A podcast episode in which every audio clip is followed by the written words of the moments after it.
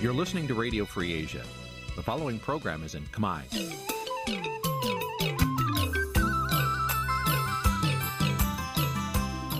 Nǐ ជាកម្មវិធីផ្សាយ Vuthu Azizi Serai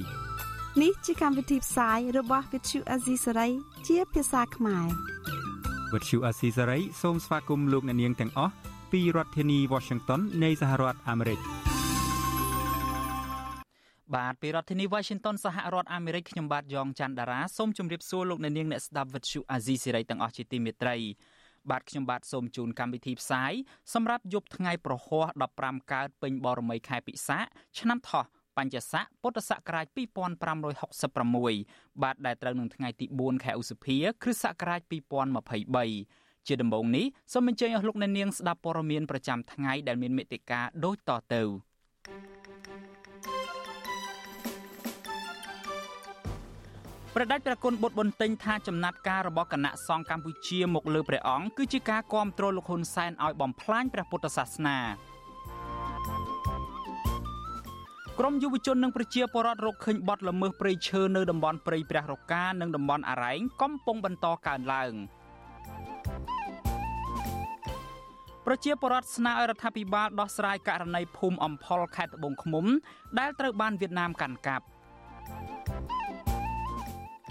អង្គការសង្ត្រាល់ស្នើដល់រដ្ឋាភិបាលអន្តរាគមទៅសមត្ថកិច្ចថៃឲ្យដោះលែងពលករខ្មែរដែលឆ្លងដែនដោយខុសច្បាប់រួមនឹងព័ត៌មានសំខាន់សំខាន់មួយចំនួនទៀត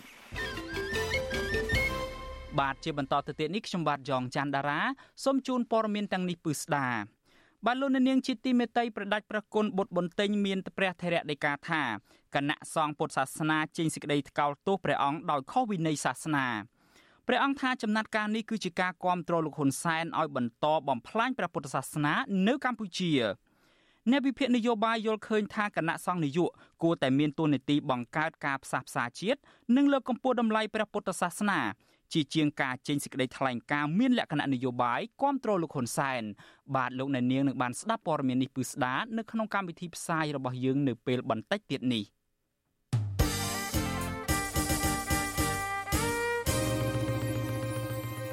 បាននៅក្នុងរយៈពេល5ឆ្នាំម្ដងគណៈបញ្ញយោបាយអង្គការសង្គមស៊ីវិលនិងប្រជាពលរដ្ឋតែងតែជជែកគ្នាពីមាត់មួយទៅមាត់មួយអំពីរឿងបោះឆ្នោតនេះ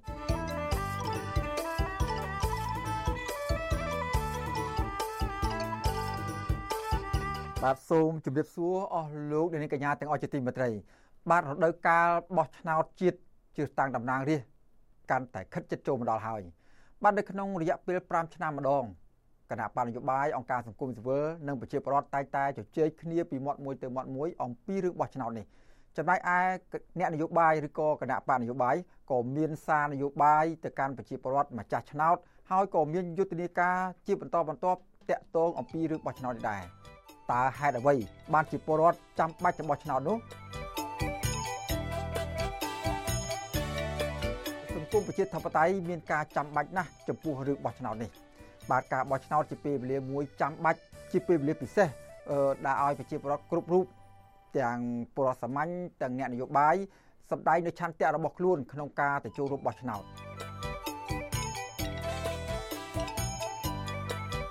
ការបោះឆ្នោតដើម្បីជ្រើសរើសមេដឹកនាំដែលខ្លួនពេញចិត្តស្របទៅតាមច្បាប់ជាតិនិងអន្តរជាតិបាទការបោះឆ្នោតដើម្បីប្រាស្រ័យសិទ្ធិជាម្ចាស់វាសនាអនាគតរបស់បុគ្គលម្នាក់ម្នាក់ និងសហគមន៍របស់ខ្លួននិងជាម្ចាស់ប្រទេសជាតិបាទការបោះឆ្នោតគឺជាការផ្ដល់ឱកាសមួយដល់អ្នកនយោបាយដល់គណៈបកនយោបាយដែលពួកគាត់មានសមត្ថភាពដើម្បីឲ្យមកចូលរួមបម្រើជាតិមាតុភូមិតាមការចង់បានរបស់ប្រជាពលរដ្ឋបាទការបោះឆ្នោតដើម្បីផ្លាស់ប្ដូរអ្នកដឹកនាំចាស់ដែលអសកម្មដោយសន្តិវិធីតាមរយៈសិលឹកឆ្នោតរបស់លោកតានាងបាទលោកនាងកញ្ញាជាទីមេត្រី បើនិយាយអំពីការបោះឆ្នោតនេះយើងនៅមានហេតុផលជាច្រើនផ្សេងទៀតដែលពលរដ្ឋជាម្ចាស់ឆ្នោតត្រូវបំពេញកាតព្វកិច្ចរបស់ខ្លួនទៅចូលរួមបោះឆ្នោតក្នុងរយៈពេល5ឆ្នាំម្ដងបាទយើងនៅមានប្រធានបទជាច្រើនទៀតដែលនិយាយអំពីការបោះឆ្នោតនេះសូមលោកនាងរងចាំតាមដានទស្សនាអំពីការបោះឆ្នោតនេះនៅពេលក្រោយទៀតបាទសូមអរគុណ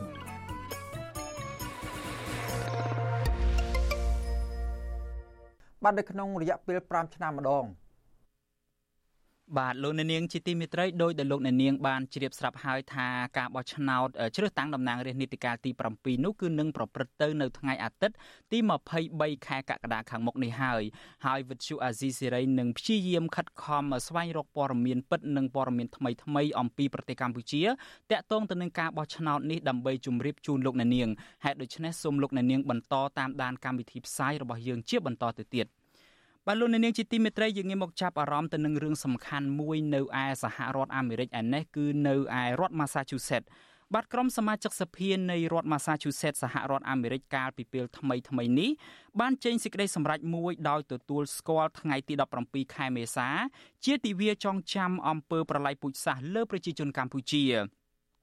ក្រុមសមាជិករដ្ឋសភាដដែលក៏បានរំលឹកដល់វិញ្ញាណក្ខន្ធជនរងគ្រោះដែលបានស្លាប់នៅក្នុងអំពើប្រល័យពូជសាសន៍នេះហើយនឹងផ្ដល់កិត្តិយសទៅដល់អ្នករស់រានមានជីវិតពីរបបវាលពិឃាតមួយនេះដែលកំពុងតែរស់នៅក្នុងរដ្ឋ Massachusetts បាទរដ្ឋ Massachusetts គឺជារដ្ឋដែលមានប្រជាពលរដ្ឋអាមេរិកកាំងដើមកំណើតខ្មែររស់នៅច្រើនជាងគេលំដាប់ទី2នៅឯសហរដ្ឋអាមេរិកនេះដោយពួកគាត់ភ័យច្រើនប្រមូលផ្ដុំគ្នារស់នៅក្នុងទីក្រុង Lowell បាទពួកគាត់ភ័យច្រើនបានមករស់នៅទីនេះក្នុងនាមជាជនភៀសខ្លួនឬក៏ជាអ្នកស្វែងរកសិទ្ធិជ្រកកោនបាទសេចក្តីសម្រេចរបស់ក្រុមសមាជិកសភានៃរដ្ឋ Massachusetts ទទួលស្គាល់ថាប្រជាពលរដ្ឋខ្មែរអាមេរិកាំងបានរួមចំណែកយ៉ាងសំខាន់ដល់ប្រវត្តិសាស្ត្រនិងវប្បធម៌ដ៏សម្បូរបែបព្រមទាំងភាពចម្រុងចម្រើននៃរដ្ឋ Massachusetts ផងដែរ។ បាទថ្ងៃទី17ខែមេសាឆ្នាំ1975គឺជាថ្ងៃដួលរលំនៃរបបសាធារណរដ្ឋខ្មែររបស់លោកសេនាប្រមុខលន់នល់និងជាថ្ងៃចាប់ផ្ដើមនៃរបបកម្ពុជាប្រជាធិបតេយ្យដែលគេស្គាល់ជាទូទៅថារបបខ្មែរក្រហម ដែលគ្រប់គ្រងកម្ពុជារហូតដល់ដើមឆ្នាំ1979បាទមេដឹកនាំកម្ពុជានៃរបបនេះគឺប៉ុលពតដែលមានឈ្មោះដើមថាសឡុតសប្រជាពលរដ្ឋកម្ពុជាជិត2លាននាក់ បានស្លាប់ដោយសារតែការកាប់សម្លាប់ការបង្អត់អាហារនិងការបង្ខំឲ្យធ្វើការងារហួសកម្លាំងជាដើម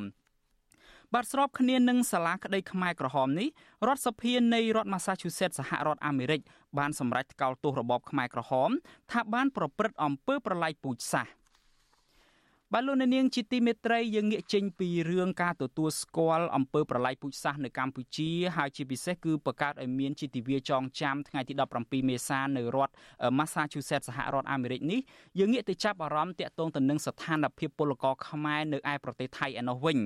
បាទអង្គការសង្ត្រាល់ស្នើទៅរដ្ឋាភិបាលឲ្យជួយអន្តរាគមន៍ទៅសមត្ថកិច្ចថៃដើម្បីដោះលែងពលករខ្មែរដែលត្រូវបានសមត្ថកិច្ចថៃចាប់ខ្លួន បាទសំណើនេះធ្វើឡើងក្រោយពេលអង្គការសកាពីសិទ្ធិពលករមួយនេះរកឃើញថាពលករខ្មែរជាង800នាក់បាទគឺជាង800នាក់ឯណោះត្រូវបានសមត្ថកិច្ចថៃចាប់ខ្លួនក្រោយចប់ពិធីបុណ្យចូលឆ្នាំថ្មី បាទយើងប្រកុលនេះទីនេះជូនលោកសេកបណ្ឌិតដើម្បីរាយការណ៍ជូនលោកអ្នកនាងអង្គការសង្ត្រាល់រកឃើញថាពលករខ្មែរភៀសច្រើនត្រូវបានសមត្ថកិច្ចថៃចាប់ខ្លួន ហើយរងការធ្វើទរណកម្មដោយការចាប់ដាក់ខ្នោះ និងត្រូវដាក់ឲ្យជាប់ឃុំក្នុងបន្ទប់តូចង្អៀតសេចក្តីថ្លែងការណ៍របស់អង្គការសង្ត្រាល់ចុះកាលពីថ្ងៃទី3ខែឧសភាឲ្យដឹងថារយៈពេលចុងក្រោយនេះពលករខ្មែរជាង800នាក់ត្រូវបានសមត្ថកិច្ចថៃចាប់ខ្លួនអំឡុងពេលធ្វើដំណើរវិលត្រឡប់ទៅបំពេញការងារវិញនៅក្នុងប្រទេសថៃក្រោយចប់បុណ្យចូលឆ្នាំថ្មីពលករទាំងនោះគ្មានឯកសារគ្រប់គ្រាន់ឯកសារផុតសុពលភាពឬការធ្វើដំណើរពួកគាត់មិនត្រឹមត្រូវតាមនីតិវិធីរបស់ថៃ និងពលករខ្លះទៀតលួចឆ្លងដែនតាមច្រករបៀងព្រោះគ្មានលទ្ធភាពបង់ប្រាក់តាមច្រកព្រំដែនផ្លូវការជាដើម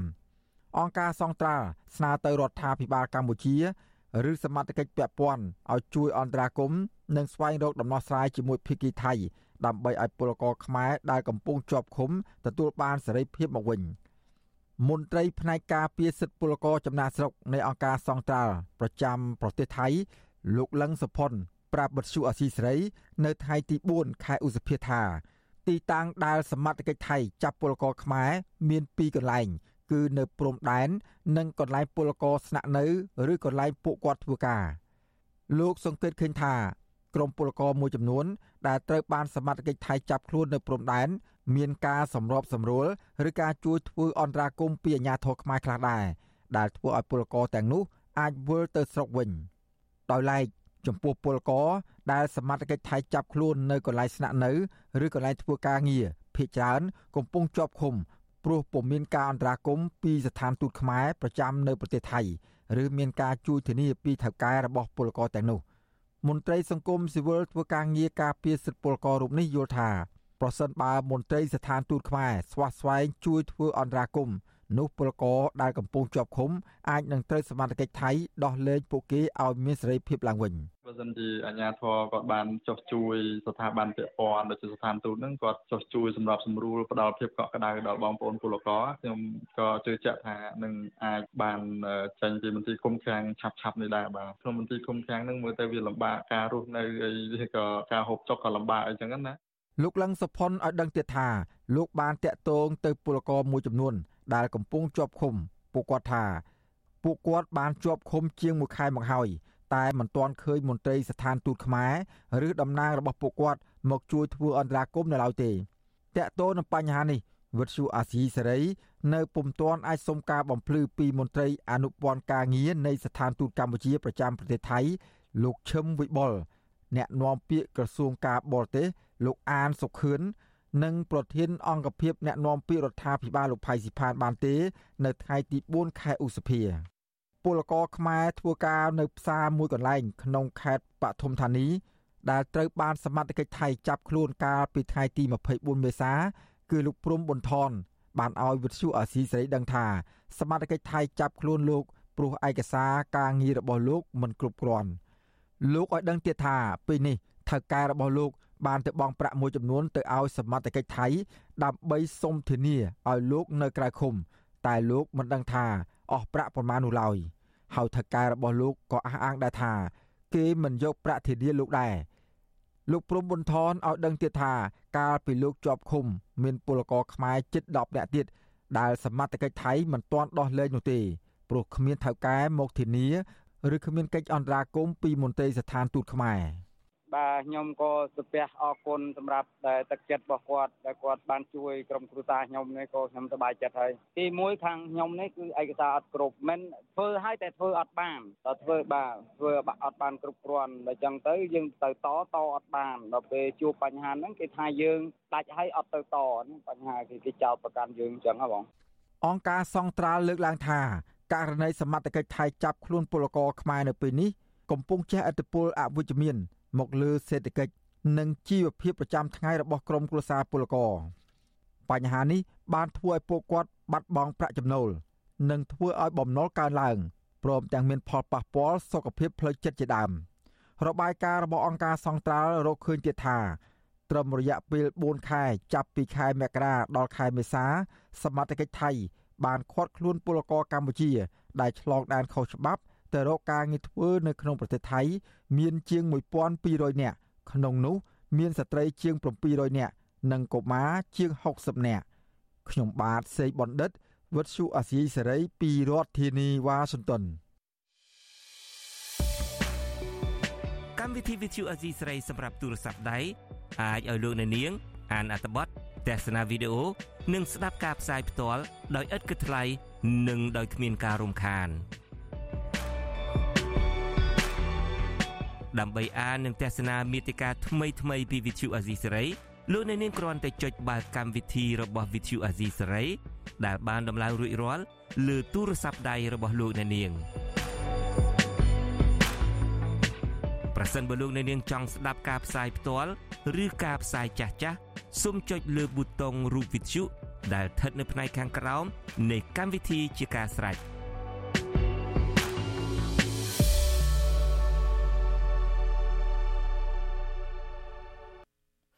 បាទលោកនាងជាទីមេត្រីយើងងាកមកចាប់អារម្មណ៍ពាក់ព័ន្ធទៅនឹងបញ្ហាព្រំដែនឯនេះវិញបាទភូមិចំណាស់មួយនៅក្នុងខេត្តត្បូងឃ្មុំ ដែលកម្ពុជាគ្រប់គ្រងតាំងពីមុនចំនួនបារាំងមុនសម័យលន់នល់និងមុនសម័យខ្មែរក្រហមជាច្រើនចំនួនមកហើយនោះបែរជារបូតទៅវៀតណាមគ្រប់គ្រងតាំងតែពីឆ្នាំ1987នៅចំនួនដឹកនាំដោយលោកនាយរដ្ឋមន្ត្រីហ៊ុនសែនបាទប្រជាពលរដ្ឋនៅខេត្តត្បូងឃ្មុំសង្កេតឃើញថា បើទោះបីជាភូមិអំផលត្រូវបានវៀតណាមកាន់កាប់ទាំងបំពេញច្បាប់ក៏ដោយក៏មិនដែលឃើញរដ្ឋាភិបាលកម្ពុជាអន្តរាគមន៍ទៅរដ្ឋាភិបាលវៀតណាមឲ្យប្រគល់ភូមិនេះមកឲ្យប្រជាជនខ្មែរវិញនោះដែរបាទលោកទីនសាការីយ៉ារាយការណ៍ពឹស្ដាអំពីរឿងនេះភូមិអំផលស្ថិតនៅក្នុងឃុំច័ន្ទមូលស្រុកមេមត់ខេត្តត្បូងឃ្មុំដែលអតីតនៅក្នុងខេត្តកំពង់ចាមបានបាត់បង់ទៅវៀតណាមកាន់កាប់តាំងពីឆ្នាំ1987ក្រោយពីប្រមុខដឹកនាំប្រទេសទាំងពីរ បានចុះហត្ថលេខាលើសន្ធិសញ្ញាបំពេញបន្ថែម កំណត់ព្រំដែនរដ្ឋឆ្នាំ1585ដល់កម្ពុជាក្រោមការដឹកនាំរបស់លោកហ៊ុនសែនអ្នកស្រុកមេមត់សង្កេតឃើញថា មកទល់ពេលនេះភូមិនេះត្រូវអាជ្ញាធរវៀតណាមក្តាប់យ៉ាងណែនដោយសង់ហេដ្ឋារចនាសម្ព័ន្ធខ្វាត់ខ្វែងអគិសនី និងប្រព័ន្ធធារាសាស្ត្រដើម្បីឲ្យបរតវៀតណាមងាយស្រួលធ្វើកសិកម្មគ្រប់គ្រងតំបន់នោះ ជាដែនរដ្ឋបាលរបស់ពួកគេ បរតដែលរស់នៅតំបន់ព្រំដែននៅក្នុងស្រុកមេមត់ខេត្តត្បូងឃ្មុំ គឺលោកឈឿនឆនប្រាប់វិទ្យុអាស៊ីសេរីនៅថ្ងៃទី4ឧសភាថាពេលនេះពលរដ្ឋខ្មែរយ៉ាងហោចណាស់200គ្រួសារបន្តរស់នៅក្នុងភូមិអំផលធម្មតាក្រោមការគ្រប់គ្រងដោយអាជ្ញាធរវៀតណាមលោកថាបង្គោលព្រំដែនចាស់ស្ថិតនៅប៉ែកខាងត្បូងភូមិនេះជាច្រើនគីឡូម៉ែត្រក៏ប៉ុន្តែនៅក្នុងឆ្នាំ2017អាជ្ញាធរខ្មែរនិងវៀតណាម បានបោះបង្គោលព្រំដែនថ្មីទៀតលេខ98 2ដល់បង្គោលព្រំដែនលេខ99លើចូលទឹកដីខ្មែរយ៉ាងជ្រៅលោកបញ្ជាក់ថាបង្គោលព្រំដែនថ្មីដែលទើបតែបោះនោះបែរជាស្ថិតនៅប៉ែកខាងជើងភូមិអំផលទៅវិញធ្វើឲ្យកម្ពុជាបាត់បង់ភូមិនេះទៅវៀតណាមកាន់កាប់ទាំងស្រុងរីឯផ្ទះបុរាណខ្មែរជាច្រើនខ្នងស្ថិតនៅក្នុងភូមិនេះក៏បាត់បង់ទៅវៀតណាមគ្រប់គ្រងវិញដែរ។ ក៏ទៅដូចជានៅក្នុងឃុំចាន់មូលដដែលគុំអំផលប៉ុន្តែដូចជាស្ដែងមកបានវោះបង្គោលរំដែរដូចគឺដូចដាច់ដល់ឡែកចាប់ពីទៀតរបស់បង្គោលរំដែរដែលកាលសពដងមុននៅជាពលរដ្ឋនៅចេញចូលដូចជាគុំផងលបងតែមួយជាប់ធម្មតាពលរដ្ឋឯនោះគេក៏ពឹងផ្អែកចំពោះរាជរដ្ឋាភិបាលកម្ពុជាដែរបាទអសន្នពុនចិត្តរបស់រដ្ឋបាលប៉ុន្តែមិនដឹងគេធ្វើយ៉ាងម៉េចបាទពលរដ្ឋនៅខេត្តត្បូងឃ្មុំស្ដាយស្រណោះភូមិចំណាស់នេះក៏ប៉ុន្តែពួកគាត់ភ័យច្រើនខ្លាចមិនហ៊ានតវ៉ា និងទាមទារឲ្យអាជ្ញាធរដោះស្រាយពីករណីនេះដោយបើកចំហនោះឡើយពីព្រោះខ្លាចអាជ្ញាធរតាមចាប់ដាក់ពន្ធនាគារដោយករណីលោករងឈុនជាដើមកាលពីឆ្នាំ2017រដ្ឋាភិបាលកម្ពុជានិងវៀតណាមបានបោះបង្គោលព្រំដែនជាច្រើនបង្គោលយ៉ាងប្រញាប់ប្រញាល់ដោយលាក់លៀមនិងបិទបាំងព័ត៌មានពីភាពមិនប្រក្រតីជាច្រើននៅក្នុងតំបន់នោះស្របពេលដែលកម្ពុជាកំពុងតែមានវិបត្តិនយោបាយយ៉ាងក្តៅគគុក រដ្ឋាភិបាលបានរំលាយគណៈបកសង្គ្រោះជាតិបិទស្ថាប័នព័ត៌មានអាយក្រិចនិងចាប់ខ្លួនអ្នកសកម្មពីបញ្ហាព្រំដែនដាក់គុករីឯអាជ្ញាធរបានដើរគម្រាមបរដ្ឋនៅតាមផ្ទះមិនឲ្យនិយាយពីបញ្ហាព្រំដែនប្រាប់ទៅប្រព័ន្ធផ្សព្វផ្សាយបរដ្ឋអះអាងថាពួកគាត់មានភ័ស្តុតាងនិងឯកសារច្បាស់លាស់ដែលបញ្ជាក់ថាភូមិអំផល គឺស្ថិតនៅក្នុងទឹកដីខ្មែរជាច្រើនចំនួនមកហើយហើយបច្ចុប្បន្នអាជ្ញាធរវៀតណាមព្យាយាមឈ្លានពានតំបន់នោះ និងខិតខំអភិវឌ្ឍយ៉ាងលឿនដើម្បីបំបត្តិដានហេដ្ឋារចនាសម្ព័ន្ធបែបខ្មែរនិងផ្ទះខ្មែរនៅតំបន់នោះថែមទៀតផងពលរដ្ឋរស់នៅខេត្តត្បូងឃ្មុំលោកស៊ូយៀនថ្លែងថាអ្នកភូមិភ្ញាក់ផ្អើលនៅគ្រាដល់ភូមិកំណើតផ្ទះសម្បែងនិងដីស្រែចម្ការគេដូនតារបស់ពួកគាត់បែរជាប្រែคล้ายដីរបស់ពួកគាត់ជាតំបន់ដែលវៀតណាមកាន់កាប់នាសម័យនេះទៅវិញលោកអំពីវនីវឲ្យរដ្ឋាភិបាលអន្តរាគមន៍ទៅអាជ្ញាធរវៀតណាម ឲ្យប្រគល់ភូមិនេះមកឲ្យខ្មែរវិញនិងផ្ដល់សិទ្ធិឲ្យប្រដ្ឋខ្មែរចូលរួមបញ្ចេញមតិពីបញ្ហាព្រំដែនស្របតាមច្បាប់ជាតិនិងអន្តរជាតិសង្គមរៀននិយមសម័យប៉ុលពតលន់នល់ហ្នឹងគឺខ្មែរយើងគ្រប់គ្រងរហូតមកដល់សម័យរដ្ឋកម្ពុជាក៏នៅតែខ្មែរគ្រប់គ្រងដែរប៉ុន្តែក្រោយមកហ្នឹងគឺយួនយកដាច់ហើយទីទីរដ្ឋាភិបាលហ្នឹងអត់ដែលតវ៉ាអីបន្តិចទេ បាទឥឡូវនេះទៅជាយើងរស់នៅក្នុងដីយួនវិញហើយបញ្ជីរដ្ឋបាលវានៅតែខ្មែរយើងគ្រប់គ្រងអញ្ចឹងណាយើងគ្រប់គ្រងខ្យល់គេគ្រប់គ្រងការពុតអញ្ចឹងណាចំវិញនឹងរឿងនេះទេសរដ្ឋមន្ត្រីទទួលបន្ទុកកិច្ចការព្រំដែនលោកវ៉ាកំហុងប្រាប់វិទ្យុអាស៊ីសេរីថា នៅឆ្នាំ1987លោកមិនទាន់ចូលធ្វើជាមន្ត្រីជំនាញកិច្ចការព្រំដែននៅឡើយទេ ហើយតំបន់ព្រំដែនកាលនោះអាស្រ័យលើបរដ្ឋរស់នៅ និងកាន់កាប់ដីធ្លីជាក់ស្ដែង។ លោកអះអាងថាកន្លងទៅអាញាធរបានបោះបង្គោលព្រំដែនជាមួយអាញាធរវៀតណាមគឺបើកចំហទូលាយឲ្យពលរដ្ឋអាញាធរដែនដី និងភៀកគីពាក់ព័ន្ធចូលរួមបើសិនជាប៉ះពាល់ដីរបស់ពលរដ្ឋនៅតំបន់ណាមួយអាញាធរនឹងដោះស្រាយជូនភ្លាមៗមុ នគេចុះទីសញ្ញាលើទីសញ្ញាពេញសង្ខេប2005ហ្នឹងធ្វើរាល់ឆ្នាំមកពេញខែទីពោប៉ែទេរួចទៅចេះបិទកម្មបាយពោដែរគឺធ្វើប្រហែលមុនទីយ៉ាពេញសង្ខេប2019ដែរគឺថាគេធ្វើអស់ចិត្តហើយយើងនិយាយចុះហាត់ផ្លេចឆាជាមួយស្គីនទាំងប្រទេសគណៈកម្មការព្រំដែនយើងបានលើកស្មារតីណាពីណីគេចិត្តដល់ទៅមុនយើងធ្វើទីសញ្ញាធ្វើឯកសារឲ្យមានហើយលំដាប់លំដោយវាទីលើប្រចាំមកបានចុះហាត់ផ្លេចឆាជាជាន់មកតាមព្រំដែនមើលថាដីគាត់ទៅតាណាដីនេះយ៉ាគេមកគេទាំងកាត់គេទៅគ្វាគេទុកគេហើយទោះបីជាបែបនេះក្តីប្រធានក្រុមប្រឹក្សាឃ្លាំមើលកម្ពុជា នៅប្រទេសណ័រវេលោកម៉ែនណាតផ្ដល់ទស្សនៈថារដ្ឋាភិបាលគួរតែភ្ញាក់រលឹកអនុវត្តរដ្ឋធម្មនុញ្ញនិងកិច្ចព្រមព្រៀងសន្តិភាពទីក្រុងប៉ារីសឆ្នាំ1991ដែលលោកចាត់ទុកថាជាដំណោះស្រាយដ៏ប្រសើរក្នុងការការពារបរណភាពទឹកដីលោកបន្ថែមថារដ្ឋាភិបាលគួរតែដោះស្រាយបញ្ហានេះតាមយន្តការអន្តរជាតិឬប្តឹងទៅតុលាការអន្តរជាតិដើម្បីទាមទារដីខ្មែរមកវិញ។ មានការភ្ញាក់រលឹកទៅរដ្ឋាភិបាលអាចជំរុញឲ្យសហប្រធានកិច្ចព្រមព្រៀងរងវរីនឹងសាររើឯកសារនឹងឡើងវិញឲ្យវៀតណាមមកវៀតណាមជាម្ចាស់ហត្ថលេខីដែរទៅឆ្លើយបំភ្លឺចំពោះមុខការអនុវត្តកិច្ចព្រមព្រៀងរងវរីហើយបើករណីវៀតណាមរំលោភព្រំដែនដោយដែលជាបរដ្ឋយើងឃើញស្រាប់អញ្ចឹងហើយរដ្ឋាភិបាលកម្ពុជាមានការភ្ញាក់រលឹកធ្វើឯកសារកំណត់ហេតុអិនប៉ុណ្ណឹងទៅគេទៅមន្ត្រីសង្គមស៊ីវិលរូបនេះសង្កេតឃើញថា រដ្ឋាភិបាលមិនត្រឹមតែមិនលើកទឹកចិត្តឲ្យប្រជាពលរដ្ឋនិងយុវជនស្វែងយល់ពីបញ្ហាព្រំដែនប៉ុណ្ណោះទេប៉ុន្តែថែមទាំងគម្រាមដាក់សម្ពាធបរដ្ឋឲ្យឈប់រវីរវល់រឿងព្រំដែនព្រោះខ្លាចក្រែងបែកធ្លាយពីភាពមិនប្រក្រតីនៅក្នុងការបោះបង្គោលព្រំដែនទៅវិញរដ្ឋាភិបាលដឹកនាំដោយលោកហ៊ុនសែននៅពេលបច្ចុប្បន្ននេះពងតែពង្វក់យុវជននិងបរដ្ឋឲ្យវក់វីនឹងគ្រឿងញៀនគ្រឿងស្រវឹងដែលមិនខ្វល់អំពីបញ្ហាជាតិបញ្ហាទឹកដីនោះទេ កាលពីខែវិច្ឆិកាឆ្នាំ2019លោកហ៊ុនសែនបានទៅចុះហត្ថលេខាទទួលស្គាល់បង្គោលព្រំដែនដែលបានបោះរួចចំនួន84%ជាមួយភាគីវៀតណាមដល់ទីក្រុងហាណូយ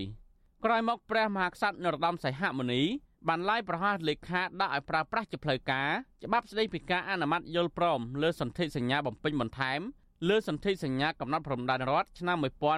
1585និងសន្ធិសញ្ញាបំពេញបន្ថែមឆ្នាំ2005រវាងកម្ពុជានិងវៀតណាម តាមសំណើរបស់លោកហ៊ុនសែនលោកម៉ែនណាតចាត់ទុកសន្ធិសញ្ញានេះផ្ទុយពីកិច្ចព្រមព្រៀងសន្តិភាពទីក្រុងប៉ារីសឆ្នាំ1591និងរដ្ឋធម្មនុញ្ញកម្ពុជា កាលពីឆ្នាំ2005លោកហ៊ុនសែនបានគម្រាមរំលាយរបបប្រជានិយមហើយដាក់ជំនួសមកវិញនៅរបបសាធារណរដ្ឋប្រសិនបើព្រះមហាក្សត្រព្រះករុណាព្រះបាទសម្ដេចព្រះនរោត្តមសីហមុនីមិនព្រមឡាយប្រហាសលេខាលើសន្ធិសញ្ញាបំពេញបន្ថែម ស្ដីពីព្រំដែនកម្ពុជាវៀតណាមទៅនោះ ខ្ញុំទីនសាការីយ៉ាអស៊ីសេរី ប្រធានីវ៉ាស៊ីនតោន បាទលោកអ្នកនាងជាទីមេត្រីតកតងទៅនឹងរឿងព្រំដែននេះដែរលោកអ្នកនាងប្រហែលជាចាំហើយថានៅអំឡុងឆ្នាំ2020ហ្នឹងគឺថាមានសកម្មជនសង្គមមួយចំនួនអ្នកការពារសិទ្ធិមនុស្សមួយចំនួនអ្នកនយោបាយមួយចំនួនហ្នឹងគឺថាបានជាប់ឃុំត្រូវបានចោទប្រកាន់រួចក៏ត្រូវបានចាប់ឃុំខ្លួនដាក់ពន្ធនាគារឈានទៅដល់ការផ្ដន់ទោសថែមទៅទៀតហ្នឹងហើយនៅក្នុងចំណោមហ្នឹងក៏មានបុគ្គលសំខាន់មួយរូបដែលយើងធ្លាប់ស្គាល់ដែរគឺលោករងឈុន ហើយលោករងឈុនបច្ចុប្បន្ននេះលោកគឺជាអនុប្រធានគណៈបកភ្លើងទៀនបន្ទាប់ពីធ្វើកិច្ចការងារសង្គមពាក់ព័ន្ធទៅនឹងរឿងសិទ្ធិមនុស្សរឿងនយោបាយហ្នឹងជាច្រើនឆ្នាំមកហើយនេះហើយឥឡូវនេះយើងទទួលបាននៅព័ត៌មានថ្មីចុងក្រោយមួយតាក់ទងទៅនឹងរឿងលោករងឈុននេះដែរគឺថាសារព័ត៌មានដែលស្និទ្ធនឹងលោកនាយរដ្ឋមន្ត្រីហ៊ុនសែនឬមួយហៅថាជាប្រព័ន្ធឃោសនារបស់លោកហ៊ុនសែនហ្នឹងទើបតែបានចេញផ្សាយនៅអត្ថបទខ្លីមួយតាក់ទងទៅនឹងថាលោករងឈុនហ្នឹងគឺកំពុងស្ថិតនៅក្នុងដំណាក់កាលអនុវត្តទោសហើយអាចនឹងលោកអាចនឹងប្រឈមទៅនឹងការចាប់ខ្លួន ពីសំណាក់សមត្ថកិច្ចទៅតាមដីការបស់តុលាការប្រសិនបើលោកមិនអនុវត្តពេញលេញទៅតាមការនីតិវិធីដែលដាក់ឲ្យស្ថិតនៅក្រោមការត្រួតពិនិត្យនោះឥឡូវនេះយើងបានភ្ជាប់លោករងឈុនហើយដើម្បីសាកសួរលោកបន្ថែមចង់ដឹងពីប្រតិកម្មរបស់លោកបន្ថែមទៀតថាតើលោកយល់យ៉ាងណាចំពោះរឿងនេះខ្ញុំបាទសូមជម្រាបសួរលោករងឈុនពីចម្ងាយបាទបាទសូមជម្រាបសួរលោកចន្ទរា បាទ អរគុណលោករងឈុនដែលបានឆ្លៀតពេលវេលាចូលរួមផ្ដល់បទសម្ភាសដល់វិសុអាស៊ីសេរីនៅពេលនេះហើយខ្ញុំនឹងមិនវែងឆ្ងាយទេដំណឹងចុងក្រោយដែលយើងបានឃើញទាំងអស់គ្នានៅលើប្រព័ន្ធឃោសនារបស់លោកហ៊ុនសែនហ្នឹងគឺថាបានហាក់ដូចជាព្យាយាមដាក់បន្ទុកលោករងឈុនជាថ្មីម្ដងទៀតហើយបន្ទាប់ពីស្ងប់ស្ងាត់អស់រយៈពេលជាង1ឆ្នាំមកនេះឥឡូវនេះលោករងឈុនដែលកំពុងតែមានប្រជាប្រិយភាពនៅក្នុងចំណោមគណៈបកសមាជិកគណៈបកប្រឆាំងជាពិសេសគណៈបកភ្លើងទៀនហ្នឹងក៏បែរជាចេញមានព័ត៌មានចេញអំពីថាតើលោកនឹងអាចប្រឈមទៅនឹងការចាប់ខ្លួនជាថ្មីទៀតនឹងថាតើលោកយល់យ៉ាងណាដែរចំពោះរឿងនេះបាទជាការពិតចំពោះរឿងនេះចំពោះខ្ញុំមិនជាការភ្ញាក់ផ្អើលអ្វីទេហើយអ្វីដែលព័ត៌មានបានចុះផ្សាយនឹងបើយើងមើលទៅនឹងសាលក្រមរបស់សាលាឧទ្ធរនៅថ្ងៃ12វិច្ឆិកា2021នឹង វាមិនដូច្នោះទេនៅសាលាកំនៅសាលាដំបងបានកាត់ទោសខ្ញុំ2ឆ្នាំដល់មកសម្រេចនៅឡើងឧទ្ធរស្លាឧទ្ធរបានកាត់តម្រឹមមានន័យថាកាត់ឲ្យខ្ញុំអនុវត្តទោស15ខែ11ថ្ងៃបាទហើយ តកតងទៅនឹងសាលាកំពូលការធ្វើសាវនាការនៅសាលាកំពូលហ្នឹងក៏មិនបានចេញដីកាអញ្ជើញខ្ញុំឲ្យទៅចូលរួមក្នុងសាវនាការដែរក្នុងលក្ខលកឹកដែលខ្ញុំកំពុងតែស្ថិតនៅក្នុងគេថាមានវត្តមាននៅក្នុងប្រទេសហើយសាលាកំពូលមិនគួរណាកាត់កំបាំងមកនោះទេកាលនោះខ្ញុំឲ្យមេធាវីរបស់ខ្ញុំមកប្តឹងខ្ទាស់ទៅនឹង ការសម្រេចរបស់សាលាពុទ្ធប៉ុន្តែនៅពេលដែលសាលាកំពូលធ្វើសាវនាការកំបាំងមកគ្រាន់តែជាការតម្កល់សាក្រមរបស់សាលាឧទ្ធរតែប៉ុណ្្នឹងទេมันបាននិយាយលើសពីប៉ុណ្្នឹងទេប៉ុន្តែនៅក្នុងសាលាឧទ្ធរគេបានកាត់តម្រឹមឲ្យខ្ញុំជាប់15ខែ11ថ្ងៃហើយនៅសល់ប្រមាណ ព្យួរទោសហើយនឹងសាឡបងអនុវត្ត3ឆ្នាំ ហើយនៅក្នុងចំណុចចំណុច3តកតងទៅនឹងការតនដិតត្រូវអនុវត្តវិធានការត្រួតពិនិត្យដោយតទៅក៏តនដិតត្រូវតែគោរពតាមដេកាកោះរបស់ព្រះរាជអាជ្ញាឬរបស់បុគ្គលដែលព្រះរាជអាជ្ញាបានបកគលអំណាចឲ្យ ខតនដិតត្រូវតែមកទទួលនឹងការមកពិនិត្យមើលរបស់បុគ្គលដែលព្រះរាជអាជ្ញាបានផ្ដល់អំណាចបានប្រគល់អំណាចឲ្យក៏តនដិតត្រូវប្រគល់ដល់ព្រះរាជអាជ្ញានៅព្រះរាជអាជ្ញាឬដល់បុគ្គលដែលព្រះរាជអាជ្ញាបានប្រគល់អំណាចឲ្យនៅគ្រប់ ឯកសារសម្រាប់ធ្វើការផ្ទៀងផ្ទាត់លើការបញ្ចូលឲ្យទៅរស់នៅក្នុងសង្គមវិញអខតនដិតត្រូវតែជូនដំណឹងដល់ព្រះរាជអាជ្ញា អំពីការផ្លាស់ប្ដូរអឺអាស័យដ្ឋាននិងមុខមុខរបររបស់ខ្លួនង តនដិតត្រូវតែមានការអនុញ្ញាតពីព្រះរាជអាជ្ញាមុនធ្វើដំណើរទៅបរទេសអញ្ចឹងមានតែ5ចំណុចហើយមិនបានហាមឃាត់ដាក់បំរាមណាហួរឬមួយថាហាមឃាត់មិនឲ្យធ្វើនយោបាយគណៈបកនយោបាយអឺព្រះរាជអាជ្ញាមិនបានលើកឡើងនៅក្នុងហ្នឹងទេបាទអញ្ចឹងយើងឃើញថាវា វាអត់មានអ្វីដែលយើងប្រព្រឹត្តផ្ទុយទៅនឹងសាលក្រមដែលសាលាឧទ្ធរបានចេញហើយវិធានការអនុវត្តវិធានការដែលបានឲ្យគោរព5ចំណុចហ្នឹងហើយចំណុចដែល2ចំណុចសំខាន់ហ្នឹងគឺផ្លាស់ប្ដូរទីកន្លែងហើយនឹងអឺចេញទៅក្រៅប្រទេសត្រូវតែធ្វើការសុំការអនុញ្ញាតពីចៅក្រមឬព្រះរាជអាជ្ញាហ្នឹង ដូច្នេះនៅពេលខាងសារព័ត៌មាននៅក្នុងស្រុកបានផ្សាយថាយើងនឹងអនុវត្តបើគេចង់នាំខ្លួនឬឈរឈ្មោះមិនអាចឈរបានយើងមិនទាន់បានទទួលថាសតិស្ដារសតិសម្បទាឡើងវិញប៉ុន្តែខ្ញុំ នៅក្នុងនឹងខ្ញុំមានសិទ្ធមានសិទ្ធបោះឆ្នោត មានសិទ្ធទទួលបានពីក្រសួងមហាផ្ទៃទទួលស្គាល់ថាខ្ញុំជាអនុប្រធានគណៈបកភ្លើងទៀនបើសិនជាខ្ញុំមិនទាន់មាននីតិសម្បទាប្រខ្ញុំមិនអាចទៅមានសិទ្ធិបោះឆ្នោតបានទេហើយនៅក្នុងនីតិវិធីរបស់កោជបมันបានតម្រូវឲ្យបេក្ខជនឈរឈ្មោះតំណាងរាស្ត្រធ្វើលិខិតថ្កោលទោសដែរគ្រាន់តែតម្រូវឲ្យ អឺអ្នកដែលបេក្ខជនឈរឈ្មោះតំណាងរាស្ត្រនឹងត្រូវបញ្ជាក់នៅឃុំសង្កាត់ថាខ្លួននឹងពិតប្រកបជាមានឈ្មោះនៅក្នុងបញ្ជីបោះឆ្នោតហើយខ្ញុំបានបញ្ជាក់បានសួរទៅមន្ត្រីរៀបចំការបោះឆ្នោតមន្ត្រីកោជបនឹងថាតើហេតុអីឥឡូវមិនធ្វើលិខិតថ្កោលទោសមន្ត្រីកោជបបានបំភ្លឺថាបើយើងបញ្ជាក់បញ្ជីឈ្មោះ នៅឃុំសង្កាត់យើងមានឈ្មោះនៅក្នុងបញ្ជីបោះឆ្នោត មានន័យថាយើងទទួលបាននីតិសម្បទាហើយពីព្រោះអ្នកទោសនៅពេលដែលបាត់បង់នីតិសម្បទាក្រសួងយុតិធធនឹងបញ្ជូនឈ្មោះមកកជបកជបនឹងបង្កកឈ្មោះអ្នកទាំងនោះมันអាចមានសិទ្ធិបោះឆ្នោតឬឈរឈរឈ្មោះឲ្យគេបោះឆ្នោតអាហ្នឹងបើយើងនិយាយអំពីនីតិវិធីប៉ុន្តែអ្វីដែល ខាងព័ត៌មានមួយបានលើកឡើងវាវាធ្វើឲ្យថាធ្វើឲ្យមតិជាតិអន្តរជាតិមានការភ្ញាក់ផ្អើលមួយទៀតខ្ញុំលើកឡើងដោយលោកលោកអឺអឺតលីមុលបាទលោកតលីមុលដែលគាត់ជាប់ហើយគាត់ក្នុងសំណុំរឿងជាមួយខ្ញុំដែរ ប៉ុន្តែនៅពេលដែលគាត់ឈជាបេក្ខជនសង្កាត់ផ្សារដើមមានឃើញគាត់មានសិទ្ធិឈរបានបើមានសិទ្ធិឈរបាន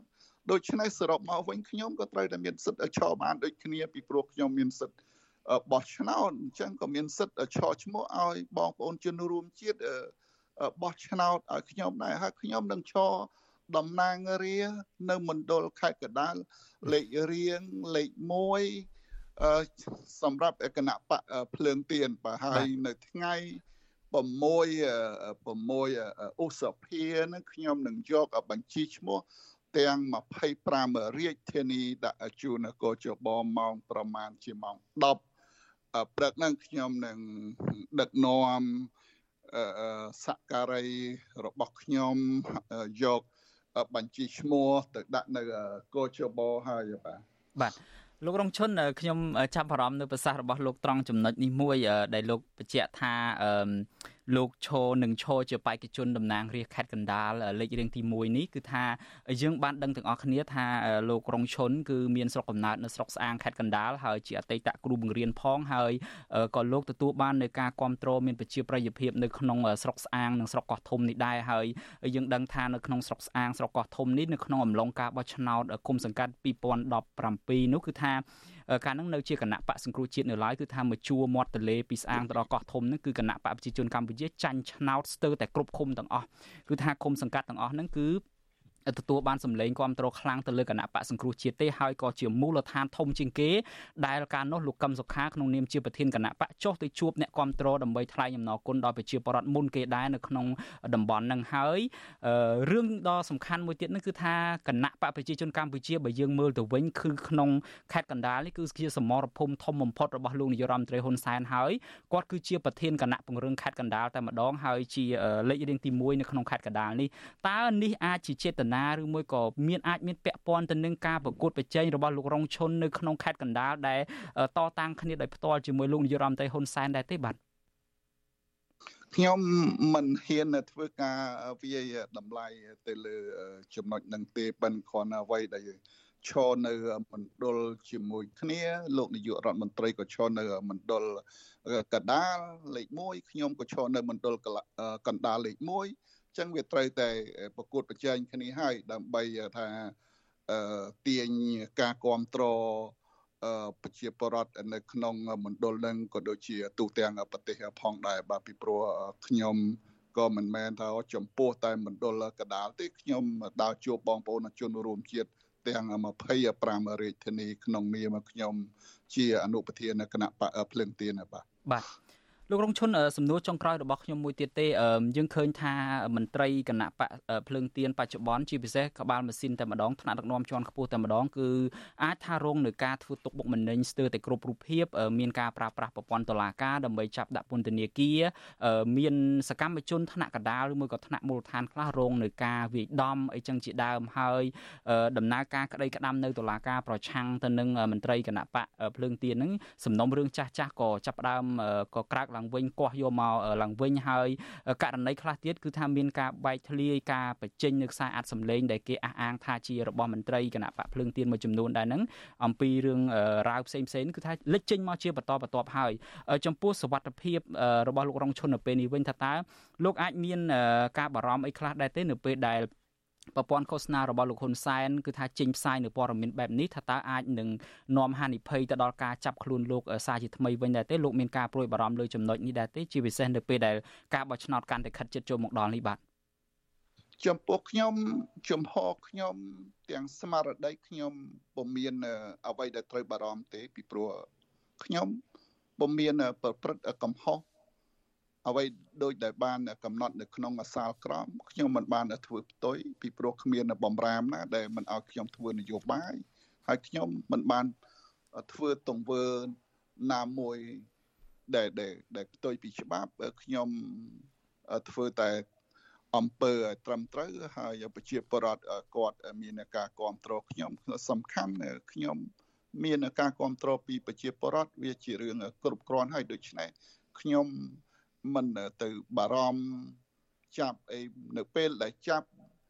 វាខុសទំនងដែលផ្នែកប្រជាពលរដ្ឋមើលថាអូมันគួរត្រូវចាប់រងជនអានឹងធ្វើឲ្យរឿងគេថាជះត្រឡប់ទៅលើខ្លួនគាត់ទៅវិញទេហើយអ្វីដែលយើងគិតថាប្រកួតប្រជែងដោយដាក់សម្ពាធគូប្រជែងឈ្នះ ក៏វាពុំមានន័យអ្វីដែរបើសិនជាយើងប្រកួតប្រជែងគ្នាគេថាសេរីត្រឹមត្រូវយុត្តិធម៌អ្នកឈ្នះក៏ឈ្នះដោយកិត្តិយសអ្នកចាញ់ក៏ចាញ់ដោយអស់ចិត្តហើយបើសិនជាយើងប្រកួត គ្នាហើយយើងធ្វើបាបដៃគូគូប្រជែងគូប្រកួតអឺគូប្រកួតរបស់ខ្លួនអានឹងធ្វើឲ្យមតិជាតិអន្តរជាតិគេមើលហើយយើងឈ្នះក៏វា គ្មានតម្លៃគ្មានកិត្តិយសនៅក្នុងសង្គមណានោះទេអញ្ចឹងគ្រាន់តែចង់ធ្វើម៉េចត្រូវតែបើកលំហសេរីភាពធ្វើឲ្យមានការប្រកួតប្រជែងគ្នា ត្រឹមត្រូវសេរីយុត្តិធម៌ហើយទៅតាមការចង់បានរបស់អន្តរជាតិផងដែរពីព្រោះយើងដឹងហើយដូចជាសហគមន៍អឺរ៉ុបក្តីគេកំពុងតែបើកភ្នែកមើលថាតើ ការដំណើរការការបោះឆ្នោតទាំងមុនថ្ងៃបោះឆ្នោតថ្ងៃបោះឆ្នោតក្រោយថ្ងៃបោះឆ្នោតហ្នឹងសេរីត្រឹមត្រូវយុត្តិធម៌ឬទេបើសិនណាមិនដូច្នោះទេ គេនឹងអាចដកហូត EBA 100%ហើយអ្នកដែលទទួលរងគ្រោះគឺកូនចៅប្រជាពលរដ្ឋតាក់តងទៅនឹងព័ត៌មានថ្មីថ្មីដែលចុះផ្សាយអំពីខ្ញុំខណៈខ្ញុំចង់ជម្រាបដល់បងប្អូនជនរួមជាតិខ្មែរទាំងអស់ក៏ ក៏មានស្មារតីតក់ស្លុតអីឲ្យសោះយើងត្រូវតែរឹងមាំទាំងអស់គ្នា ដើម្បីសង្គមជាតិរបស់យើងហើយខ្ញុំគ្មានកំហុសឆ្គងអីណាទេដូច្នេះត្រូវបងប្អូនជនរួមជាតិអ្នកដែលគ្រប់គ្រងគណៈបកភ្លើងទៀនក្តីមិនគ្រប់គ្រងគណៈបកភ្លើងទៀនក្តីត្រូវតែមានជំហររឹងមាំហើយចូលរួមបោះឆ្នោតឲ្យបាន កក្រឹកកក្រែងច្រើនកកក នៅថ្ងៃ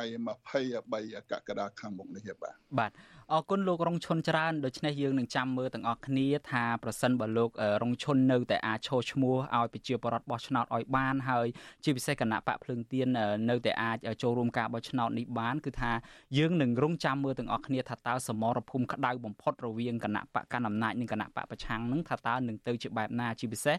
នៅសមរភូមិខេត្តកណ្ដាលដែលលោកនាយករដ្ឋមន្ត្រីហ៊ុនសែនជាអ្នកពង្រឹងដោយផ្ទាល់ហើយគណៈបកប្រឆាំងគឺគណៈបកភ្លើងទៀនគឺលោករងឈុនដែលជាអនុប្រធានហើយជាអ្នកមានប្រជាប្រិយភាពខ្លាំងហ្នឹងគឺជាអ្នកឈរឈ្មោះលេខរៀងទី1ហ្នឹងដូច្នេះយើងរងចាំតងខ្ញុំសំខាន់ពីតាក់តងត្រង់ចំណុចហ្នឹងខ្ញុំគិតថាលោកនាយករដ្ឋមន្ត្រីត្រូវបើកចិត្តទលាយឲ្យខ្ញុំឈរបានប្រកួតគ្នា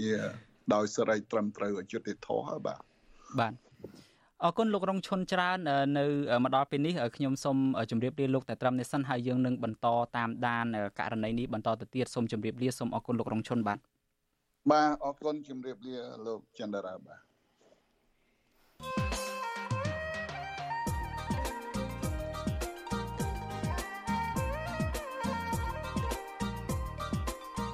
បាទលោកនាងជាទីមេត្រីនៅមុនការបោះឆ្នោតជាតិអាណត្តិទី7នេះលោកនាយរដ្ឋមន្ត្រីហ៊ុនសែនកំពុងធ្វើយុទ្ធនាការអូសទាញអ្នកនយោបាយគណៈបកប្រឆាំងនិងសកម្មជនសង្គមដោយឥតរើសមុខដើម្បីយកមកដាក់នៅក្នុងកន្ត្រករបស់គណៈបកប្រជាជនកម្ពុជា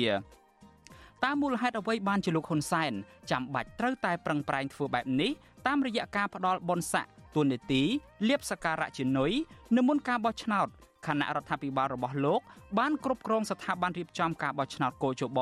និងកងកម្លាំងប្រដាប់អាវុធពេញដៃទៅហើយនោះបាទនេះគឺជាប្រធានបទនៃវេទិកាអ្នកស្ដាប់វិទ្យុអាស៊ីសេរីនៅយប់ថ្ងៃសុក្រទី5ខែឧសភាស្អែកនេះដូច្នេះសូមលោកអ្នកនាងរងចាំតាមដានស្ដាប់កម្មវិធីនេះកុំបីខានហើយប្រសិនបើលោកអ្នកនាងមានសំណួរ ឬមួយក៏ចង់ចូលរួមបញ្ចេញមតិយោបល់ដោយផ្ទាល់នៅក្នុងកម្មវិធីផ្សាយនោះលោកអ្នកនាងអាចដាក់លេខទូរស័ព្ទរបស់លោកអ្នកនាងនៅក្នុងខ្ទង់ comment Facebook និង YouTube ដែលអាស៊ីសេរីផ្សាយផ្ទាល់នៅថ្ងៃស្អែកនេះបាទក្រុមការងាររបស់យើងនឹងហៅទៅលោកអ្នកនាងវិញបាទសូមអរគុណ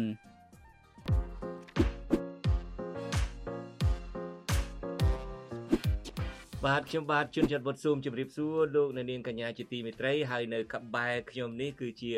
បរោះម្នាក់ដែលលោកអ្នកនាងធ្លាប់ស្គាល់ថាជាពើពន្លកកាលពីប្រមាណដប់ឆ្នាំមុនកាលគាត់នៅក្មេងនៅឡើយប៉ុន្តែដល់មកដល់ពេលចាស់នេះឥឡូវឈ្មោះអីនៅជម្រាបជូនលោកអ្នកស្ដាប់ផងទៅបាទជម្រាបសួរបងជួនច័ន្ទវុតហើយជម្រាបសួរលោកអ្នកនាងជាទីមេត្រីតាមពិតទៅខ្ញុំឈ្មោះសំពូលីបាទ អ្វីបើតែគាត់ហៅខ្ញុំបងមែនប៉ុន្តែលោកអ្នកនាងកញ្ញាឃើញហើយសក់គាត់រៀងអីណារៀងសសអីខ្លះមិនខ្មៅក្រឹបដូចខ្ញុំទេប៉ុន្តែគាត់គាត់ចាស់យ៉ាងណាក៏ដោយចុះគាត់នៅចង់ក្មេងជានិច្ចបាទយើងក្មេងៗទាំងពីរអ្នកនេះដែលឡើងមកជម្រាបសួរលោកអ្នកនាងពេលនេះនឹងគឺព្រោះថានៅខែក្រោយនេះនៅខែឧសភានេះពូលីយើងនឹងមានកម្មវិធីប្លែកមួយទៀតដែលយើងឆ្លៀតឱកាសនេះចង់ជម្រាបលោកអ្នកនាងឲ្យហើយកម្មវិធីយើងឈ្មោះអីពូលីកម្មវិធីរបស់យើងគឺថាក្អាត់ ក្រៅក្អមច្រឡំចេះតែថាមិនមែនកម្មវិធីក្អាត់ក្រៅក្អមទេអាក្រាតក្រៅក្អមនឹងយើងថាពីមុនបន្ទាប់មកទៀតឥឡូវនេះយើងដូរហើយយើងដាក់ឈ្មោះកម្ពុជាសប្តាហ៍នេះគឺយើងជឿទេលោកអ្នកនាងកញ្ញាអ្នកណាចាស់អ្នកណាក្មេងជាងអ្នកណានៅអារម្មណ៍មូលជាងបាទកម្មវិធីកម្ពុជាសប្តាហ៍នេះនឹងគឺជាកម្មវិធីមួយ ប្លែកខុសពីកម្មវិធីដែលយើងផ្សាយនៅលើវិទ្យុកម្មវិធីនេះគេហៅថា podcast បាទ podcast នឹងបានអនុញ្ញាតឲ្យយើងទៅជែកពិភាក្សាបញ្ហាច្រើនណាស់ដែលយើងអាចយកមកទៅជែកបានហើយបញ្ហាទាំងអស់នោះយើងអាចទៅជែកបាន ស៊ីជម្រៅច្រើនជាងហើយអាចនិយាយលេងសើចឲ្យបានច្រើនជាងកម្មវិធីដែលនៅលើវិទ្យុរបស់យើងលោកអ្នកនាងកញ្ញានឹងទទួលបានសំណើចច្រើននៅពេលដែលយើងជជែកគ្នាលេងនៅបញ្ហានេះ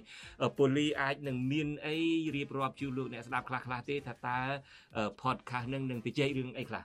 គាត់ចង់បន្ថែមពីអ្វីដែលបងបាននិយាយបន្តិចមិញនេះគឺថាទី1យើងមានពេលវេលាច្រើន ជាងអ្វីនៅក្នុងកម្មវិធីផ្សាយរបស់យើងព្រោះថាអ្វីដែលយើងនិយាយតាមវិទ្យុគឺថាយើងកំណត់ពេលវេលា1ម៉ោងព្រឹក1ម៉ោងល្ងាចអឺ podcast របស់យើងនេះគឺថាយើងអាចនិយាយលឹកបានបើសិនជាប្រធានបទដែលយើងតម្រូវឲ្យយើងនិយាយបានរឿងដែលខ្ញុំគិតចេញភ្លាមពីក្នុងខួរក្បាលនេះគឺថាចង់និយាយពីវប្បធម៌ស៊ីកេម៉ែឪនឹងតែម្ដងនឹងព្រោះថា នៅក្នុងប្រទេសកម្ពុជាបច្ចុប្បន្នដូចបងដឹងហើយអ្នកស្ដាប់យើងបានដឹងហើយគឺថាគេផ្ទេរតំណែងតាំងពីនាយករដ្ឋមន្ត្រីឲ្យកូនតាំងពីចវាយខេតទៅឲ្យកូនតាំងពីមេបលិសទៅឲ្យកូនតាំងពីមេធនាគារឲ្យកូននឹងយើងចង់និយាយពីពីវប្បធម៌នឹងបាទ ហើយតើលោកអ្នកនាងអាចចូលទៅស្ដាប់កម្មវិធី podcast របស់អាស៊ីសេរីប្រចាំសប្តាហ៍ដែលនឹងចាប់ផ្ដើមពីខែឧសភាទៅនឹង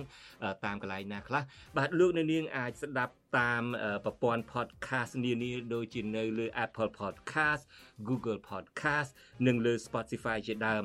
លោកអ្នកនាងក៏អាចស្ដាប់កម្មវិធីកម្ពុជាសប្តាហ៍នេះ តាមគេហទំព័ររបស់អាស៊ីសេរីដែលមានអាសយដ្ឋាន rfa.org/ ខ្មែរ ហើយថែម /podcast មួយទៀតបាទយើងខ្ញុំទាំងពីរអ្នករីករាយណាស់នឹងនាំនៅកម្មវិធីថ្មីនេះជូនលោកអ្នកនាង សង្ឃឹមថានឹងជួបគ្នា នៅលើកម្មវិធី podcast កម្ពុជាសប្តាហ៍នេះចាប់ពីខែឧសភានេះតទៅ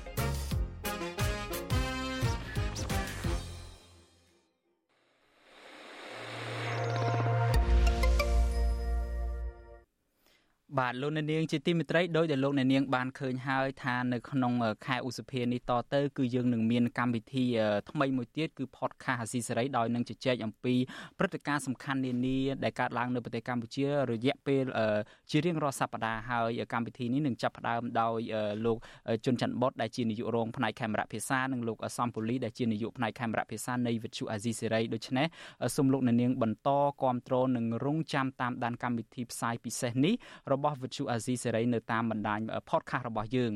ហើយឆ្លៀតឱកាសនៅក្នុងឱកាសនេះដែរខ្ញុំបាទសូមជម្រាបជូនលោកអ្នកនាងថាវិទ្យុអាស៊ីសេរីបានពង្រីកការផ្សាយរបស់យើងថែមមួយកម្រិតទៀតហើយ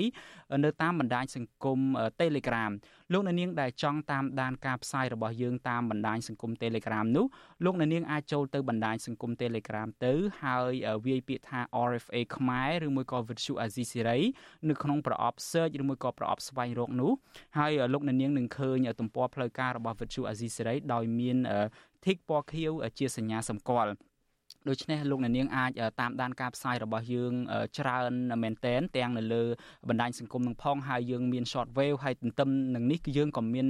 app ដែរនៅលើ Play Store ក៏មាននៅក្នុងប្រព័ន្ធ iPhone អីក៏មានដែរដូច្នេះសូមលោកអ្នកនាងបន្តគ្រប់គ្រងការផ្សាយរបស់យើងតទៅទៀតដែលមានភាពសម្បូរបែបហើយនឹងបានទទួលព័ត៌មានពិតនិងទាន់ហេតុការណ៍ពីប្រទេសកម្ពុជា មកដល់ត្រឹមចំណុចនេះខ្ញុំបាទមានព័ត៌មានមួយទៀតចង់ជម្រាបជូនលោកអ្នកនាងគឺតាក់ទងទៅនឹងរឿងប្រដាច់ប្រគុណបុត្របន្ទិញព្រះអង្គមានធរៈដីកាថាគណៈសង្ឃពុទ្ធសាសនាកម្ពុជាចេញសេចក្តីថ្កោលទោសទៅលើព្រះអង្គដោយខុសទៅនឹងវិន័យសាសនាបាទព្រះអង្គថាចំណាត់ការនេះគឺជាការគ្រប់គ្រងលោកហ៊ុនសែនឲ្យបន្តបំផ្លាញព្រះពុទ្ធសាសនានៅកម្ពុជាបាទអ្នកវិភាគនយោបាយយល់ឃើញថាគណៈសង្ឃនាយក គួរតែមានទូនីតិបង្កើតការផ្សះផ្សាជាតិនិងលើកកម្ពស់តម្លៃព្រះពុទ្ធសាសនាជាជាងចេញសេចក្តីថ្លែងការណ៍ដែលមានលក្ខណៈនយោបាយគ្រប់គ្រងលោកហ៊ុនសែនបាទអ្នកស្រីសុជីវីរាយការណ៍ពីស្ដាររឿងនេះជូនលោកអ្នកនាងស្ថាបនិកបណ្ដាញព្រះសង្ឃឯករាជ្យដើម្បីយុត្តិធម៌សង្គមប្រដេចប្រគុណបុត្របន្ទិញអះអាងថាគណៈសង្ឃព្រះពុទ្ធសាសនាកម្ពុជា មានចេតនាទុច្ចរិតឃោសនាបំភ្លៃវិន័យសង្ឃដើម្បីបំផ្លាញកិត្តិយសរបស់ព្រះអង្គ និងមានគោលបំណងបំបែកបំបាក់សាមគ្គីភាពរវាងសប្បុរសជនខ្មែរជាមួយនឹងព្រះអង្គព្រះដេចប្រគុណបុត្របន្ទិញមានថេរដីកានៅថ្ងៃទី4ខែឧសភាថាគណៈសង្ឃនាយកកម្ពុជា មានចំណាត់ការលើព្រះអង្គហួសហេតុដោយព្រះអង្គគ្រាន់តែមានការបកស្រាយពាក្យបាលីមិនត្រឹមត្រូវតែមួយម៉ាត់ប៉ុណ្ណោះព្រះអង្គបន្ថែមថាក្នុងវិន័យព្រះពុទ្ធសាសនាមិនបានចែងតម្រូវឲ្យផ្សឹកព្រះសង្ឃឡើយដោយគ្រាន់តែតម្រូវឲ្យព្រះសង្ឃខមាទោស ចំពោះការបកស្រាយធម៌ខុសតែប៉ុណ្ណោះប៉ុន្តែគណៈសង្ឃពុទ្ធសាសនាកម្ពុជាបែរជាចេញសេចក្តីថ្លែងការណ៍មិនទទួលស្គាល់ព្រះអង្គជាសង្ឃនិងចាត់ឲ្យស្ថិតនៅក្រៅសហគមន៍សង្ឃខ្មែរទៅវិញប្រដេចប្រគុណបុត្របន្ទិញចាត់ទុកទង្វើរបស់គណៈសង្ឃនាយកបែបនេះថាជាការគ្រប់គ្រងលោកហ៊ុនសែនឲ្យបន្តបំផ្លាញព្រះពុទ្ធសាសនានៅកម្ពុជា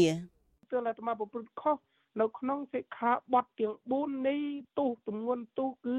គរុទោសបរាជិកទាំង4នៅនឹងបាន អាត្មាមិនសមជាបព្វជិតហើយមិនមែនជាអ្នកបុះនៅក្នុងសាសនាប៉ុន្តែអាត្មាបានធ្វើនឹងផងហ្នឹងវាអត់មានកម្ពីណានិយាយបុគ្គលរពឹងរឿងរស់ហ្នឹងមិនមែនជាអ្នកបុះវាមិនមានកម្ពីណាហើយសូមញាតិញោមជនរួមជាតិនៅទូទាំងពិភពលោកជ្រាបទៅថាអ្នកដែលធ្វើឲ្យតម្លៃសាសនារលាយតម្លៃជាតិរលាយគឺហ៊ុនសែនបន្ទាប់មកគណៈសង្ឃនាយកនេះឯងបងជាមួយគ្នានេះបដិជ្ប្រគុណបុត្របន្ទិញបញ្ជាក់ឡើងវិញថាលោកហ៊ុនសែនក៏មិនស័ក្តិសមទទួលបានក្រមងារ ពុទ្ធមាមគ្គភិបាល ដែលមានន័យថាអ្នករក្សាឬគោរពព្រះពុទ្ធសាសនាដល់ក្រៃលែងនោះដែរព្រោះលោកហ៊ុនសែនបានបញ្ជាឲ្យគណៈសង្ឃនាយកធ្វើអ្វីតាមទំនឹងចិត្តរបស់លោកដោយមិនផ្អែកលើធម៌វិន័យរបស់ព្រះពុទ្ធសាសនានោះឡើយ។ មូលហេតុអ្វីបានគណៈសង្ឃព្រមធ្វើតាមបញ្ជាបុគ្គលពីលមានន័យថាគណៈសង្ឃក៏កំពុងតែពីលជាមួយនឹងបុគ្គលពីលដែរហើយបើសិនជាគណៈសង្ឃគោរពទៅតាមធឿវិន័យតាមពុទ្ធវចនៈគូតែគណៈសង្ឃនឹងចេះព្រៀនប្រដៅដល់អ្នកដឹកនាំរឺតអោយមានធឿមេត្តាចំពោះប្រជាពលរដ្ឋអោយមានដឹកនាំរឺតនឹងជាសិលគឺសិល5គុំទៅសម្រាប់អ្នកដែលមានមតិផ្ទុយជាមួយនឹងខ្លួនកុំចាប់ពីដាក់គុកកុំលួចទ្រព្យសម្បត្តិកុំកាត់គិរីរំកុំបំផ្លាញភ្នំតាម៉ៅកុំលុបបឹងទន្លេចាក់ទៅមុខកុំលុបកោះកុងក្រៅហើយក៏មន្ត្រីសង្ឃទាំងអស់នឹងលូកតេណាអានឹងជាការដាច់ជាខាបត់អត្តនីទានាណាលួចទ្រព្យសម្បត្តិរបស់ជាតិណាគណៈសង្ឃតពុននេះណាមិនក៏អានឹងមិនធ្វើប្រតិកម្មរបស់បដិជគុណបុត្របន្ទិញបែបនេះធ្វើឡើងបន្ទាប់ពីគណៈសង្ឃនយោបាយកម្ពុជាបានចេញសេចក្តីថ្លែងការណ៍កាលពីថ្ងៃទី3ខែឧសភាចាត់ទុកប្រដេចប្រគុណបុត្របន្ទិញថាជាបុគ្គលរបឹងរឹងរូស មានន័យថាជាអ្នកដែលពិបាកប្រដៅនិងថាព្រះអង្គមិនមែនជាអ្នកបួសនៅក្នុងព្រះពុទ្ធសាសនាពិតប្រាកដឡើយដោយគ្រាន់តែព្រះអង្គបកស្រាយពាក្យគោរមងារដែលលោកហ៊ុនសែនទទួលបានពីអង្គការពុទ្ធសាសនិកពិភពលោកខុសអត្តន័យតែប៉ុណ្ណោះលើសពីនេះគណៈសង្ឃនាយកថែមទាំងចាត់ទុកបដិជ្ញប្រគុណបុត្របន្ទិញ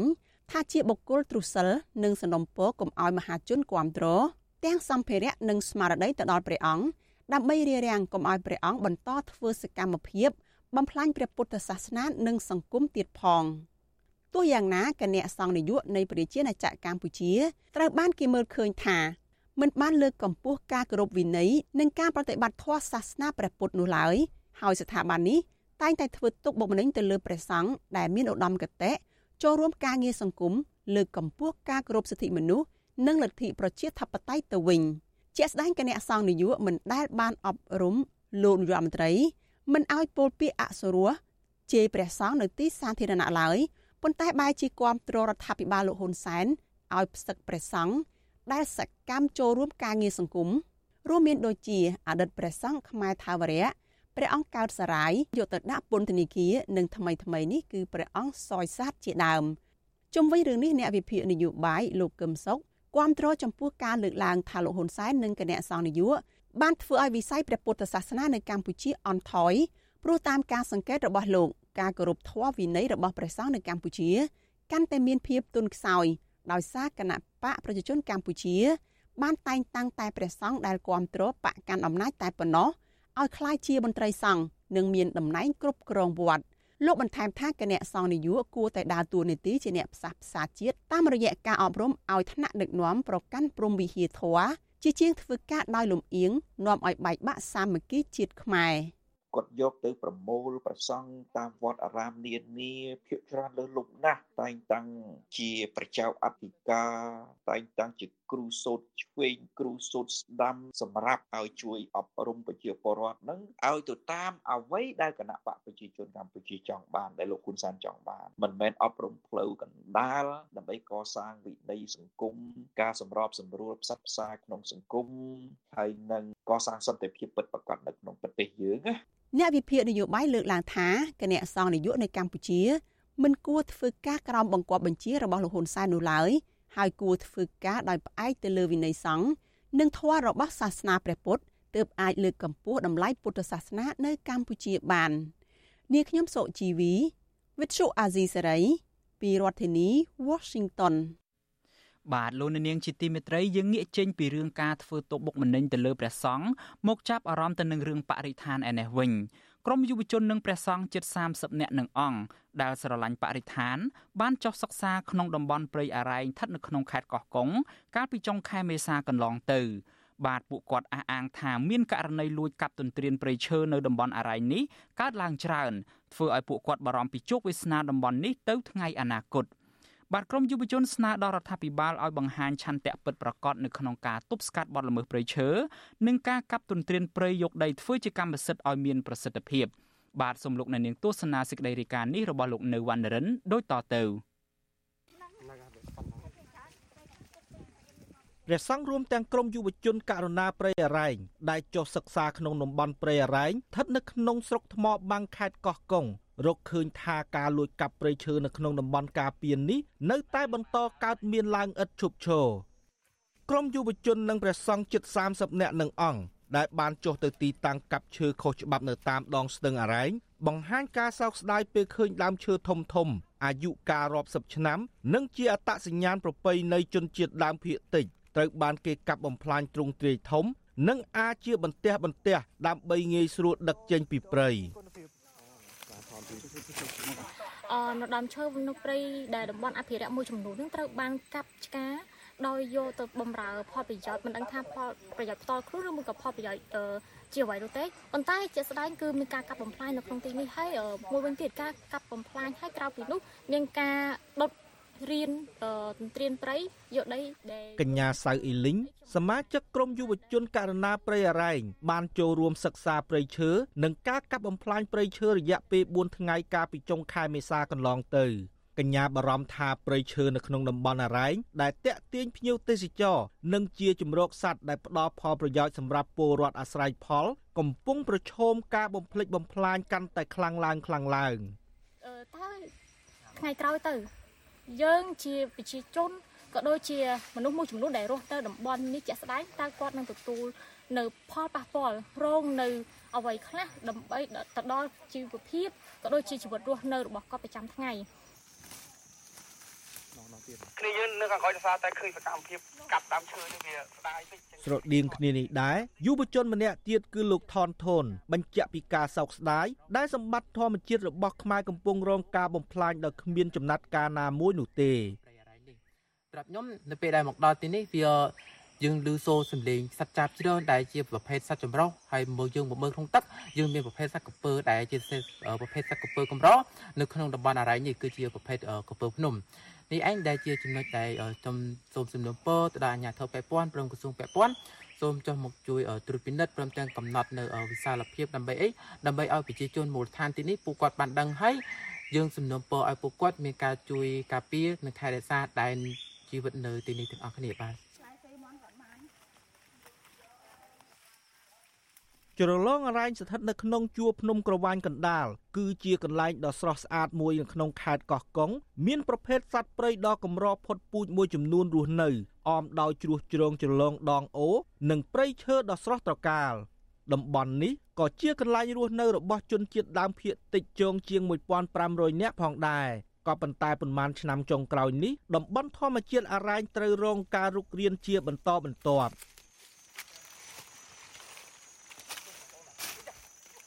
ប្រទេសកម្ពុជារបស់យើងគឺកំពុងតែឡើងកម្ដៅតាក់ទងជាមួយនឹងការបាត់បង់ព្រៃឈើហ្នឹងហើយជាក់ស្ដែងទឹកស្ទឹងនេះដែលខ្ញុំកំពុងតែឈរនេះគឺវាក្តៅដូចគ្នាហើយ